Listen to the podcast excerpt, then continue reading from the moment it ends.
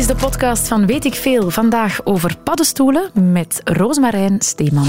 Radio 1. Weet ik veel? Een hele goede middag. Ik start vandaag graag met een kleine anekdote uit de popmuziekwereld. Het verhaal gaat over een van de hotste artiesten op dit moment, de Britse singer-songwriter Harry Styles. Op zijn zeventiende werd hij wereldberoemd als lid van de immens populaire boysband One Direction. Na het uiteenvallen van die band ambieerde Harry een solo-carrière, maar hij had moeite met het vinden van zijn eigen stem en zijn eigen sound. Tot hij op een dag in de studio op Magic Mushrooms botste. U weet wel, magische paddo's. Hij at ervan en plots kon hij zingen als nooit tevoren.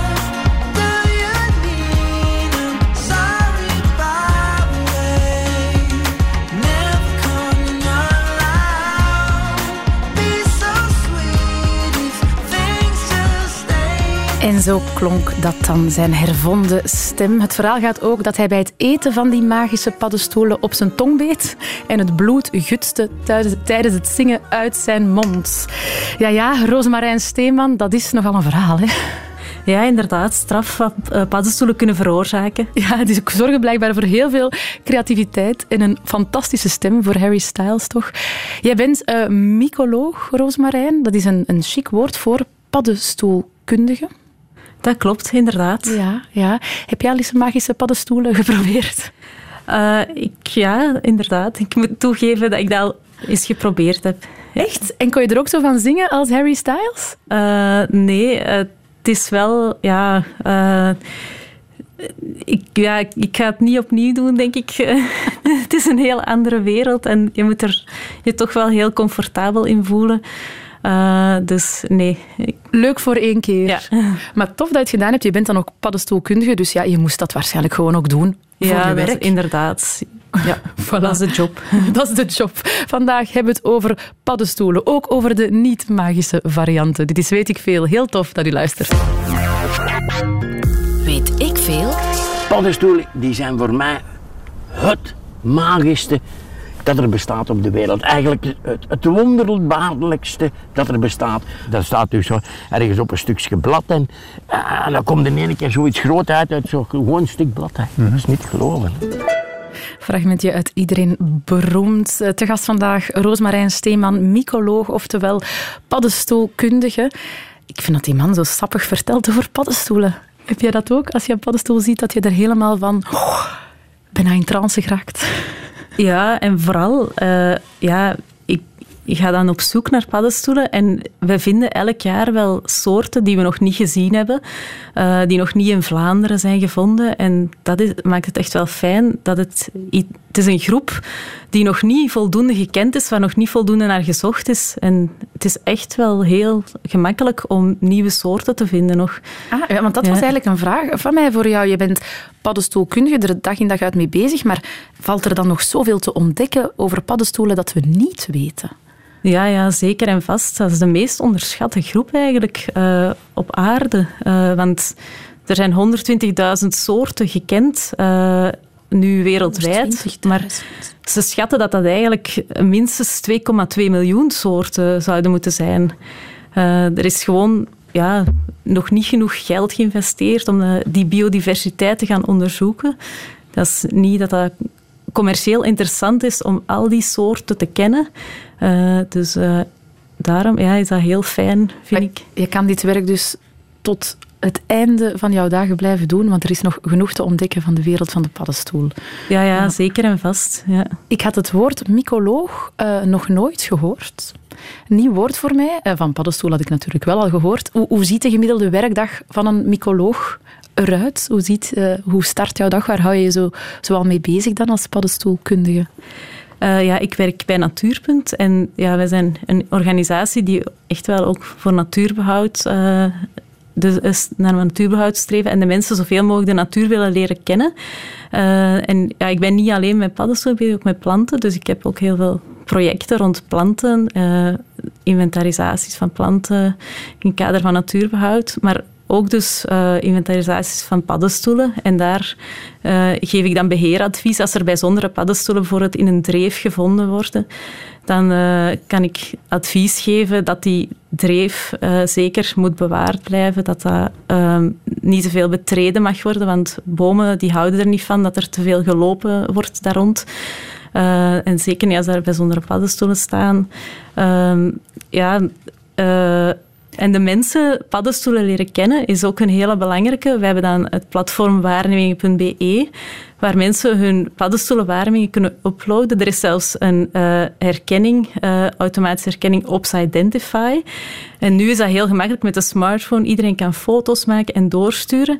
Maar het is dan wel heel belangrijk, want die app is niet feilloos, dat wij dan mijn hele bende dat nakijken en mensen uh, ja, helpen de paddenstoelen te leren kennen. Dus eh, eigenlijk breng je paddenstoelen dichter bij de mens en je zorgt er ook voor dat ze uh, overal op een veilige manier uh, bewaard blijven eigenlijk. Dat jij, jij, jij, bent eigenlijk de paddenstoelenbewaarder ja. van het land. Inderdaad. Um, ik vind het ook een fascinerende naam.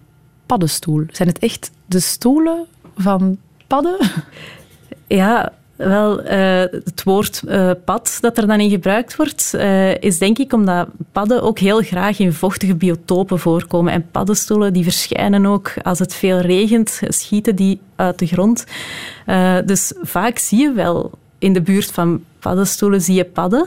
En ja, veel fotografen slagen er wel eens om zo'n slome pad op zo'n vliegenzwam te zetten en die dan samen te fotograferen. Ah, maar dat is een uh, beetje geanceneerd dan. Dat is niet ja, zo dat die daar dus, echt op uh, liggen te chillen. Ik denk dat dat heel toevallig is dat die daar echt op zouden chillen.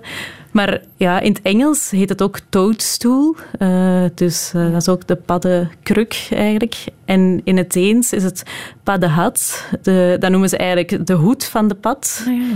Dus, dus altijd wel gelinkt aan, aan padden. Ja. Um, je zei daarnet 120.000 uh, bekende soorten in de wereld. Ja. Hoeveel precies in, in België, in ons land? In België schatten ze dat 10.000 uh, en in Vlaanderen veel. meer dan 4.000. Ongelooflijk. En, en hoe komt dat dat er zoveel verschillende soorten zijn? Ja, het is niet alleen die opvallende soorten die wij in de herfst zien, maar eigenlijk kan je heel het jaar door paddenstoelen zien. En al het uh, hout of ook ja, zelfs eikeldopjes uh, of brandnetelstengels, dat moet allemaal opgeruimd worden. 90% van het organisch materiaal wordt opgeruimd door paddenstoelen. Uh, en ja, als je een dood brandnetelstengeltje uh, bekijkt, dan kan je daar zo van die oranje schijfjes op vinden.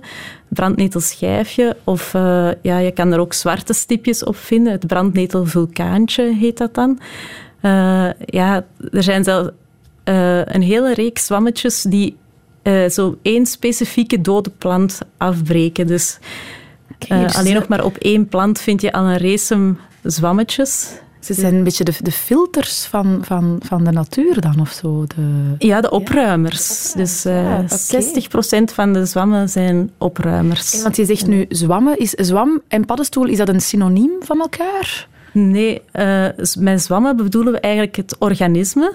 Dus uh, dat altijd aanwezig is. Maar de meeste zwammen zien we gewoon het, meest, het meerdeel van het jaar niet. Die zitten onder de grond of in het hout of in de planten, verborgen. Uh, en, en, de paddenstoel is dan de wat je aan de bovenkant ziet? Ja, de paddenstoel is de vrucht. Ah, oké. Okay. Zoals... Dus je ziet eigenlijk... Ja, ja, ik snap het. Dus eigenlijk, de, de, de paddenstoel hangt vast aan een zwam. Dat ja, is het. Ja, ja, inderdaad. En die zorgt voor de voortplanting. Daarom zien we ook paddenstoelen in de herfst, maar tijdelijk, omdat die eigenlijk gewoon voor de voortplanting dienen. Uh, dat is zoals een appel aan een boom, die we ook maar tijdelijk zien. Dus het is de vrucht van een zwam. Ja. Wat is eigenlijk de kleinste paddenstoel op de wereld? Oh, ja, dat is een heel moeilijke vraag, want er zijn heel veel echt heel kleine paddenstoelen. Uh, ja, de, want schimmels uh, zijn ook... Uh, nee, schimmels vormen geen vruchtlichamen, dus dat zijn geen paddenstoelen, maar ja, ik denk dat dat toch uh, rond de 1 mm zit. Oei, dus die kunnen wij niet zien als we in het uh, nee, wandelen. Ik kijk vooral naar de grote, de macrofungi, dus de grotere. Dus uh, nee. En, en, wat is dan de, de grootste paddenstoel in de wereld? De grootste macrofungus? Uh, wel, ja, in Vlaanderen hebben wij hele grote uh, paddenstoelen. Dat is de reuzenbolvis, dat is zo'n grote witte voetbal precies die in weilanden groeit. En de reuzenzwam, dat is een die aan voet van beuken groeit, van die grote takspansgewijze, uh, een heel opvallende parasieten op beuken. En hoe groot is die dan, die grote witte... Wat is de reuzenbovis? De reuzenbovis, ja, dat kan zo 30 centimeter zijn. Amai, ja, uh, ja. Dus die lijkt dan eigenlijk gewoon op een hele grote, dikke versie van de champignon die we in de winkel kunnen kopen. Of ja, zo. Dat is echt, het is echt een bol. Zo. Ja, echt, ja. ja. het is echt een voetbal, precies. Je ziet hem van ver. Uh, je kan hem ook opeten, uh, mm. in schijfjes snijden en bakken, uh, als je er op tijd bij bent. Want anders wordt dat gewoon zo een stoffige bal. Want dan, als de sporen rijp zijn, is dat echt een bruine bal vol stof. Ah ja, en dan mag je het niet meer opeten, of dan nee. is het niet meer te eten. Ja. ja. Maar, uh, maar je vroeg wereldwijd. Ja, eigenlijk. Ja, maar ik er altijd van uitgaan dat in Vlaanderen niet de zotste varianten te vinden zijn bij zulke uh, onderwerpen. Ja, wereldwijd gaan we tot één meter. Uh, en dat is eigenlijk wel een heel bijzondere paddenstoel. Want die groeit op termietenheuvels. En die werkt eigenlijk samen met die termieten.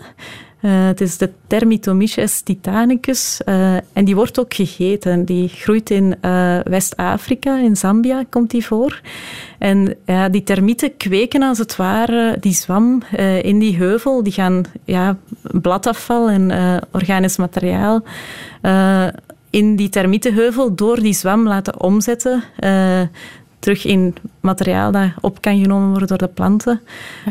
Eén uh, meter. En die, die wordt dus ook opgegeten dan? Of, of, of, of niet? Die, en die, kan, ja, die wordt gegeten, ja. Dus dat is, eigenlijk zijn paddenstoelen in Afrika een heel belangrijke voedselbron daar voor de mensen. Ja. Ja. Ik, ik had precies ook ooit eens gehoord van een, een, een paddenstoel, die, die, maar misschien is dat verkeerd, die, die duizenden uh, voetbalvelden groot was of zo. Klopt die mythe of is dat een...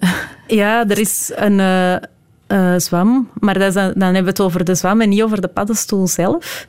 Uh, en dat is uh, de grootste natuurlijk in Amerika. In Oregon is die gevonden. En dat is een heel bos. het was iets van een... Ja, ik, weet, ik, weet niet meer juist hoe groot. 80 vierkante kilometer of zo. Eén grote zwam ze hebben van gewoon, 80? Ja, en een honingswam en die tasten heel dat bos aan, sombere honingswam. En ze hebben dat kunnen ontdekken dat dat dezelfde is langs de ene kant van dat bos en de andere kant, doordat ze natuurlijk dat DNA kunnen onderzoeken. Ja. Maar dus onder de grond daar, als je daarover loopt, dan weet je dat er zich daar een gigantische zwam uitstrekt over heel dat gebied eigenlijk. Ja, inderdaad. En die, en die, die, blijft die uitzetten of stopt die ja, Ja, ah, want ze hebben dat in 2000 hebben ze dat gemeten, dus nu zal het wel groter geworden zijn. En dat is ook het oudste organisme op aarde. Het oudste organisme op aarde? Ja. Dat is er al het langst, die zwam? Ja. ja. Amai. Want eh, als ik aan een paddenstoel denk, dan denk ik altijd um, rood met witte stippen. Ja, dat is heel logisch, want ja, het is ook de mooiste hè, en de meest opvallende. Ja, ja dat, dat is een fout ervan. De, vliegen, de vliegenzwam zeker ja. is dat, hè? de rode met... Maar ja, we kennen die ook vooral van het, van het kinderliedje natuurlijk. Ja, ja. ja. Is dat... Uh, want eigenlijk, ze komen in alle vormen, kleuren en maten, hè? Ja, ja, inderdaad. En het is niet altijd met een steeltje en een hoed. Er zijn ook bekervormige zwammen. Uh, er zijn er... Uh, ja, ook met gaatjes onderaan, uh, niet altijd met plaatjes. Dus. Wat is zo de meest speciale van, van uiterlijk dan, uh, die, die hier in België voorkomt? Ja, zo, uh, heel, een hele zotte is wel de pruikzwam. en ja, ik heb het geluk gehad om die vorig jaar vlak bij mijn deur te mogen vinden. maar je moet wel omhoog kijken in plaats van naar de grond zoeken om die te vinden. maar het is een zeldzame soort en die groeit dus hoog in oude bomen. En die gaat die bomen wel aantasten, maar ja, hij is zeldzaam omdat oude bomen die nog recht staan, want meestal oude bomen worden te snel geveld met oude dikke bomen. Uh, daar vinden we de pruikswam. En waarom heet dat pruikzwam? Omdat die echt wel lijkt op een pruik. Uh, ik vind het ook wel precies een grote pompon. Precies. Het is ook zo diameter 30 centimeter ongeveer. En welke kleur heeft die pruik dan? Het is wit. Het is wit. Ja. Ah, dat valt wel ja. op dan op de bomen. Ja, ja, het valt wel op. Ja. En, want je zegt, die, die tast de bomen aan. Wat bedoel je daar dan mee? Die maakt bomen ziek of, of kapot? Ja, bomen kunnen daar nog lang mee voortleven, maar ja, hij gaat wel... Uh, het is meestal wel... Als er al een wonde in de boom is, dan kan die zwam naar toegang toe krijgen. Dus het zijn oude, al aftakelendere bomen. Uh, maar het is wel belangrijk. Uh, ook die bomen zijn heel belangrijk voor vleermuizen en voor insecten ook, uh, die zeldzaam zijn bij ons. Dus gelukkig in het Soniewoud zijn er ook wel veel bossen waar de bomen gewoon hun gang kunnen laten gaan, waar er ook niemand mag komen en waar die bomen dus ook gewoon kunnen omvallen als ze echt niet meer kunnen. dus dat is heel belangrijk. Die paddenstoelen zijn zeldzaam van grote, dikke, oude bomen. Ja. Suzy, een luisteraar, die vraagt welke, welke eh, doormeter heeft de grootste heksenkring? Of, of bedoelt ze misschien diameter, doormeter? Ik eh, ja, de grootste heksenkring, hoe groot is die, denk ik, wil ze weten. Ja, wel, dat weet ik eigenlijk niet precies, maar dat kan vrij groot zijn. En ik denk dat dat ook moeilijk is soms om de kring dan nog te zien, want heel vaak is die kring ook niet volledig. Uh, maar elk jaar groeit inderdaad, wordt die kring groter en groter. Maar er zijn ook paddenstoelen die ervoor kiezen om altijd kleine kringetjes te behouden. En, ja. Wij gaan vandaag aan de truffels. Nou, eet smakelijk. Het is niet lekker, maar gaat u goed. Dat doen. Heel zuur. Nou, het zit erin. Nou. Wel gek hoor, want alles is aan het bewegen. Heel veel licht en fluoriserende kleuren. Ah, wat gebeurt hier allemaal? Alles is anders. Ik kan er niet meer tegen. Ik kan er niet meer tegen. Ja, uh, Roosmarijn, we hoorden, uh, we hoorden uh, een, ja, ervaringen van mensen die Magic paddenstoelen genomen hebben. Ja, je zei het aan het begin van de uitzending dat jij dat ook al eens had gedaan. Dat moet natuurlijk voor de job. Je moet al die soorten kennen. Um, ging jij er ook op deze manier van praten en hallucineren?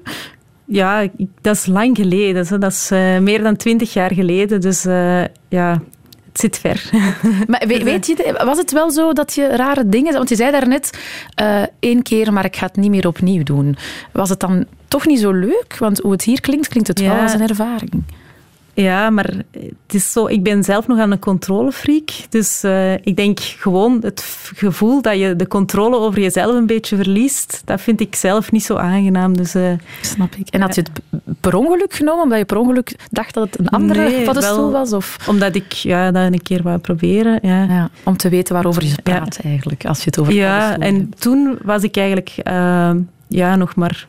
Toen was ik nog niet zo ervaren in de mycologie. Dus... Ja. Want, want zo die, die, die magic mushrooms, hè, of, of paddo's zoals ze ook wel eens zeggen in de volksmond, waarvan je gaat hallucineren, ze bestaan. Zijn die gewoon te vinden in het, in het bos? Kan ik die zomaar gaan, gaan plukken? Uh, ja, die zijn dus in graslanden vooral te vinden. Hè. Uh, die hallucinogene paddenstoelen bij ons, het puntig kaalkopje, dat is eigenlijk een klein paddenstoeltje. Dus van zo'n één puntig kaalkopje ga je eigenlijk niks voelen. Uh, je zou er al toch wel zo'n twintig moeten vinden. Okay.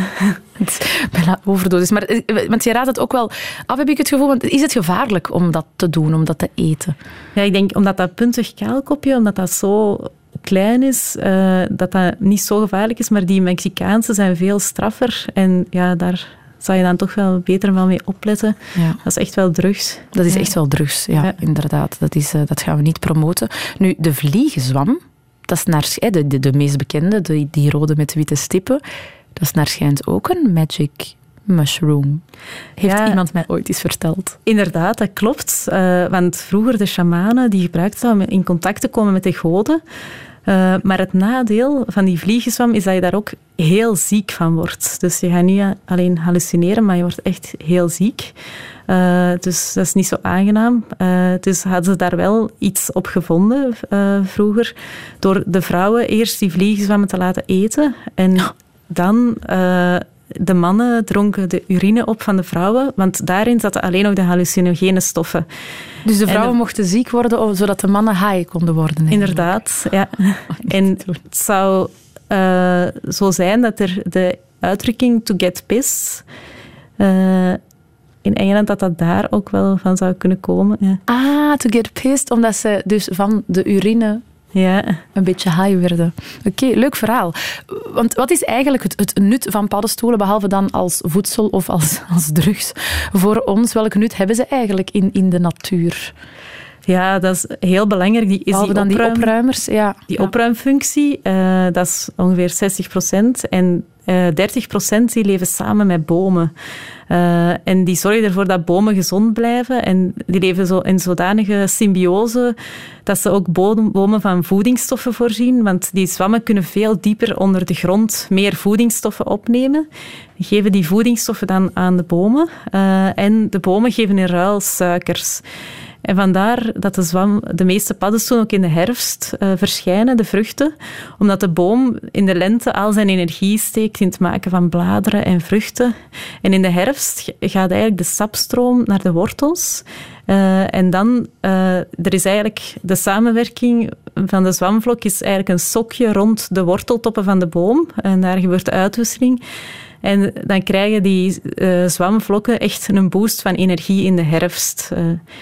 Dus eigenlijk communiceren ze ook een beetje met bomen. Zijn ze Inderdaad, in verbinding? Ja, en zo verbinden zij ook verschillende bomen. Dus uh, als er een soort ziekte op de bomen aankomt, dan kunnen die bomen eigenlijk wel met elkaar via die zwamvlok communiceren. Het is eigenlijk wel een beetje een ondergronds netwerk.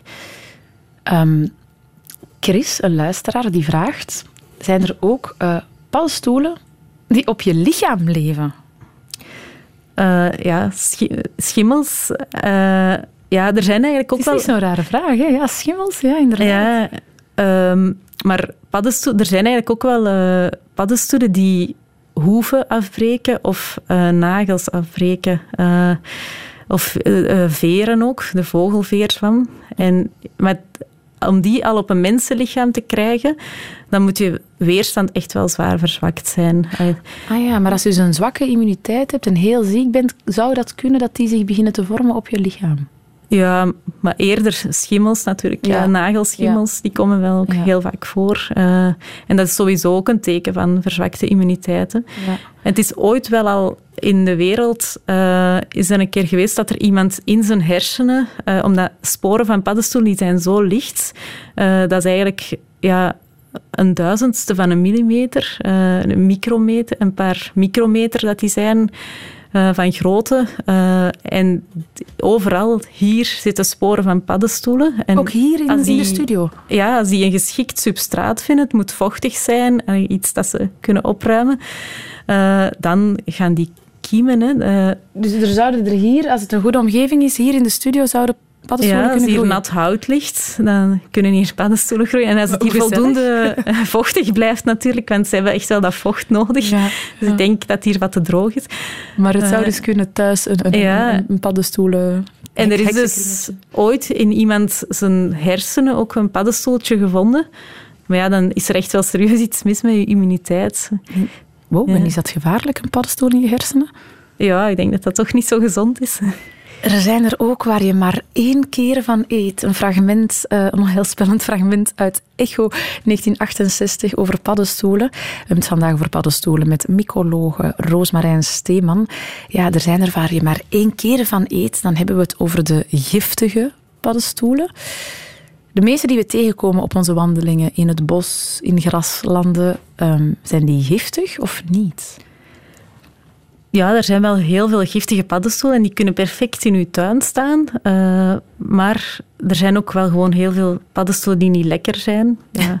Die je sowieso zou afraden van ja, te eten. Ja, ja, dus de echt heel lekkere, dat zijn er niet zoveel. Uh, en er zijn, het, het is ook niet zo'n gro uh, grote groep waar je echt van doodgaat. Maar ze komen wel veel voor, ook maar, in Vlaanderen. Ah ja, maar er zijn dus wel dodelijke paddenstoelen die je eet en waarvan je ja. dan meteen sterft? Of hoe gaat dat dan? Ja, dat is niet meteen dat je gaat sterven, want dat gaat echt wel... Uh, die dodelijk giftige paddenstoelen gaan je lever en je nieren aantasten. Uh, dus ja, dat is een proces dat traag is uh, totdat alles stilvalt. En, uh, maar ja, de meest gevaarlijke is eigenlijk de groene knolamaniet, omdat je pas 24 uur nadien gaat voelen dat er iets niet klopt. En dus je voelt je eigenlijk de hele tijd oké ja. en dan ineens slaat hij toe. Ja, inderdaad. En ja, dan is het gewoon te laat om daar nog iets aan te doen. Oei. En, en hoe kunnen we die groene knol amaniet uh, herkennen? Ja, dat is zo'n olijfgroene amaniet. Dus dat is uh, dezelfde groep als de vliegenzwam, maar hij heeft uh, geen stippen. Maar hij heeft wel zo'n beurs, zo'n zakje rond zijn voet. En ja, witte plaatjes. Maar het gevaarlijke is ook dat je soms... Er is ook een witte variëteit daarvan. En die zouden mensen wel eens kunnen verwisselen met een champignon die wel eetbaar is. Ah, wat, wat raad jij eigenlijk aan als, als, als experte en kenner als we willen weten, is dat nu giftig of niet? Uh, ik heb wel zin om hier eens eentje te plukken en, en te proeven. Wat doe je best om te zien of het veilig is? Ja, ik zou echt gewoon focussen dan op uh, goed eetbare paddenstoelen, zoals een hanekam of een eekhoorntjesbrood of misschien een weidekringzwam, maar dat vind ik toch ook al een gevaarlijke. Maar dan moet je die eh, soorten al kennen. Hè? Stel ik, ik wandel door een bos. Zijn er aanwijzingen om te zien of iets giftig is? Zijn er bepaalde eigenschappen of kenmerken die kunnen duiden op giftige paddenstoel? Nee, eigenlijk totaal niet. Nee, want er zijn zowel uh, giftige paddenstoelen met bruine sporen als met witte sporen. Of ja, die kunnen nog niet rijp zijn en dan zie je het niet goed als je geen kenner bent. Dus ja, ik zou er gewoon echt afblijven. Uh, ja. ja. En zo, is, is kleurenaanwijzing, zo de hele felle paddenstoelen, zijn, is dat iets? Of, of maakt kleur eigenlijk uh, nee, geen verschil? Nee, dat maakt geen verschil. Nee, want ja, er zijn paarse paddenstoelen die eetbaar zijn en er zijn paarse die giftig zijn. Ja. ja. Dus nee. zoals je zegt, best gewoon vanaf blijven als je er niks van kent. Ja, inderdaad. En in de winkel kopen. Want het mag trouwens niet in Vlaanderen. Hè. Dus, uh, Plukken? Nee? Nee, we zijn met te veel mensen, met te weinig natuur. Dus het is ah. heel logisch. Dus laat de paddenstoelen gewoon gerust. En als je ze wil eten, koop ze in de winkel. Inderdaad. Um, maar stel dat je dan toch eens per ongeluk een giftige paddenstoel zou eten. Um, wat, wat, wat, wat, wat kan je dan beste doen? naar het antiviefcentrum bellen. Uh, ja, die krijgen heel veel oproepen. Maar meestal zijn dat kleine kindjes natuurlijk, die je eventjes niet in doog houdt. En ja, die steken alles in hun mond. En dan is dat meestal maar een klein stukje en dan loopt dat altijd wel goed af. Het gevaarlijk is dat als mensen echt een soep gemaakt hebben van iets in hun tuin en dan achteraf denken van oei, uh, was dit nu wel juist? Want ik voel mij precies niet zo goed worden. Uh, ja, dan kan het ziekenhuis wel... Uh, ja. ja. Is er iets dat meteen kan helpen om te doen voor je dan naar het ziekenhuis gaat? Als in, zeg maar iets, een bepaald middeltje of zo dat je kan nemen om, om dat gif tegen te werken? Nee, want het is afhankelijk van welke dat je dan gegeten hebt. En het antigifcentrum die gaat u eerst en vooral uh, het uh, telefoonnummer geven van een paddenstoelenkenner die bij jou in de buurt woont. Ah, ja. En dat was vroeger, uh, voor het gsm-tijdperk, heel belangrijk dat je echt zo met jouw paddenstoel naar er naartoe kon rijden, naar die paddenstoelenkenner. Nu worden daar rapper foto's doorgestuurd voordat je een rit maakt. gaat het allemaal nog sneller. Uh, en dan, uh, als je de naam hebt gekregen, dan moet je terugbellen naar het antigifcentrum en die gaan dan zeggen wat je moet doen. Want ja, de paddenstoelenkenners, wij mogen wel die paddenstoel op naam brengen, maar wij zijn natuurlijk geen medische kenners. Antigifcentrum bellen, dat onthoud ik. Er is iemand die vraagt, welk gif zit er in paddenstoelen? Ja, er zijn verschillende soorten gif eigenlijk in paddenstoelen. Dus uh, ja... en afhankelijk van het gif dat erin zit, gaat ook ja, de aantasting verschillen. Dus, uh... Oké, want uh, ah ja, dus dat hangt, hangt ervan af eigenlijk per soort ja, welk gif het is. Ja. Er is iemand, Jan, Jan, luisteraar, die zegt... Iemand zei mij ooit, als je ze kookt met een ajuin en de ajuin wordt purper, dan zijn het giftige paddenstoelen. Je lacht. Ja, ik denk dat ik dat ooit ook eens gelezen heb in een boekje en ook zo koken met een, een koperen munt en zo van die dingen. Maar ja, dat is echt zo... Dat is, dat is toch voor jou toch niet de meest betrouwbare Nee, nee. Dat is, vroeger de mensen ook probeerden. Ik denk, vroeger was dat echt ook wel belangrijk voedsel. Ik weet, mijn opa die ging echt wel paddenstoelen zoeken, omdat die mensen honger hadden. En ja, dan doe je dat natuurlijk wel. Hè. Dan probeer je dat. Maar dus de truc met ajuin die purper wordt, zou je toch ook niet aanraden? Nee, echt niet. Weet ik veel? Hé, hey, Gus, wat is dat, zeg? Dat zijn paddenstoelen, denk ik, hè? Waarom heeft Billy paddenstoelen in zijn boekentas? Ik ga de Billy confronteren. dan weet ik het direct. En wat als hij ontkent? Dan weet je nog niks meer. Maar je bent wel zijn vertrouwen kwijt. Och ja, maar wat moet ik dan doen? Allee, Hoe komt dat nu dat jij niet weet wat voor een paddenstoel dat, dat is? Jij bent toch leraar biologie? Hoort je alstublieft, er bestaan wel duizend soorten paddenstoelen. Ik kan die toch niet allemaal kennen? Maar ik ben 100% zeker, die is volkomen onschadelijk. En wel, proef er dan maar eens van. Eh, Doortje. Jij durft niet, hè? Jawel, maar die is misschien wel giftig. Dat doet er niet toe, als het maar geen drugs zijn. Allee, hier. Als het maar geen drugs zijn, Doortje en Pol in de kampioenen. Ehm Roosmarijn Steeman over paddenstoelen. Ik heb hier nog heel wat leuke vragen van eh, luisteraars die ik jou wil voorleggen. Eh, er is iemand die vraagt... ehm, ik vraag me af of Roosmarijn soms begeleide wandelingen geeft rond paddenstoelen. Ja, inderdaad, dat klopt. Het najaar is een heel druk seizoen. Eh, ja, zelf eh, geef ik heel af en toe cursus, maar mijn collega's van Natuurpunt Educatie die zitten altijd heel snel volgeboekt met cursussen her en der in Vlaanderen. En eh, ik geef wel in het weekend wandelingen voor breed publiek. En, en ka- kan je ook bij, bij jullie eh, leren, want er vroeg daarnet ook iemand, waar kunnen we leren om paddenstoelen te herkennen? Zijn er instanties die daar ook cursussen rondgeven? Ja, bij Natuurpunt, Natuurpunt Educatie. Natuurpunt, dat is the place to be. Voor iedereen die meer wil weten over alles van natuur, denk ik eigenlijk dan. Eh, er is ook iemand die vraagt, Dieter, hoe ontstaat een heksenkring? Eh, ja, een heksenkring eh, die ontstaat wanneer dus een paddenstoel, een, een zwam begint te groeien. Eh, en dat is niet gewoon eh, die, dat die sporen, zoals zaadjes, eh, beginnen te kiemen. Nee, die moeten eigenlijk, er zijn plus- en minsporen, die moeten elkaar vinden. En daaruit begint dan een zwamvlok te groeien. Dat begint dus van één punt en die groeien eigenlijk naar alle richtingen even snel. Eh, en wanneer het dan herfst is, eh, dan verschijnen de paddenstoelen. En die verschijnen dan op die uiteindes van die zwamvlok. Eh, en dus in alle richtingen, even ver van één punt, heb je een cirkel. En zo krijg je die kring. Ja. Er is ook iemand die vraagt, André, hoe kan ik de heksenkring in mijn gazon wegkrijgen? Ja, dat is niet gemakkelijk, want dan ga je hem moeten omspitten, vrees ik. Eh, natuurlijk, eh, heel veel van die gazonpaddenstoelen die kunnen ook niet goed tegen bemesting. Dus als je goed veel gaat bemesten, dan kan je ze ook wel kwijtraken. Maar eigenlijk eh, zijn ze heel goed voor jouw gazon, want ze gaan eigenlijk zelf helpen de gazon te bemesten. Want ze gaan dode grasresten omzetten in voedsel dat dan die eh, planten en het gras in de gazon weer kunnen opnemen. Dus eigenlijk maken ze de, de kringloop rond. Eigenlijk Eh, best laten staan. Ze ja, zijn niet goed het- voor je gazon. het Ja. enige wat ze gaan veroorzaken is dat het gras op bepaalde plekken wat harder gaat groeien dan op andere. Want ze gaan dat niet gelijkmatig doen, eh, die gazon aanreiken. En het ziet er dan niet meer uit als een biljartlaken. Het ziet er minder mooi uit. Ehm, Bart zegt, iemand vertelde mij ooit dat paddenstoelen geen voedingswaarde hebben. Klopt dat? Ja, dat hangt ervan af welke paddenstoelen. Hè? Want eh, zoals oesterzwammen, ja, die hebben wel degelijk een voedingswaarde. En het is ook zo eh, dat die, de stevige paddenstoelen, die hebben dus chitine in hun celwanden. En dat een, een eiwit dat ook in het panzer van insecten zit. Dat door sommige mensen moeilijk te verteren is.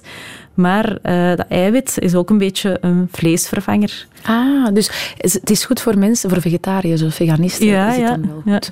Ja, want dat wat je zegt, door sommige mensen moeilijk te verteren. Er is iemand die vraagt, Simon, die zegt, paddenstoelen verteren we niet zo goed. Daarom mogen kinderen in Rusland pas op latere leeftijd paddenstoelen eten. Pas op 12 jaar.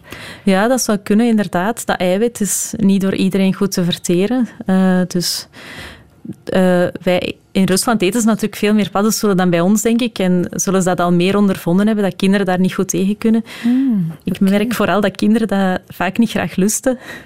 niet graag lusten. En dan heel snel nog, paddenstoelen hebben toch ook net een positief effect op het immuunsysteem. Met polyfenolen. Dus hebben ook een medicinale werking. Ja, inderdaad. Dat hangt er weer af, vanaf welke paddenstoelen. Maar eh, er zijn inderdaad heel gezonde paddenstoelen. Oké, het is tijd voor de quiz. De laatste 50 seconden van Weet ik veel gaan in. Je mag me onder vragen zien of ik goed heb opgelet. Weet ik veel. Vraag maar, Rosmarijn. Ja. Hoeveel soorten paddenstoelen zijn er gekend wereldwijd? 120.000. Juist? Dat klopt, ja, inderdaad. Eh, waarvoor dient de paddenstoel, het bovengronds gedeelte? Eh, voor van alles. Eh, ze zijn op, uit bovengrond, ze zijn opruimers, ze staan in contact met bomen. Het is de vrucht van de zwam. En wat is hun doel? Ja, het is de vrucht, vrucht van de zwam, hè? Ja. Inderdaad, Voilà. dat klopt. Hoe groot is de reuzenbovist ongeveer? Eh, eh, was dat eh, 30 centimeter breed? Zo dat groot? klopt. Ja. Dat klopt. Eh, en waar groeit de, de pruikswam? De prui- op, op bomen, in wonden van bomen. En nu moeten we stoppen. Is dat juist? Want de Eh. tijd is op. Dankjewel, Roosmarijn Steeman, over paddenstoelen. Morgen over het brein. Tot morgen. Radio 1. Weet ik veel? Dit is het einde van deze podcast van Weet ik veel.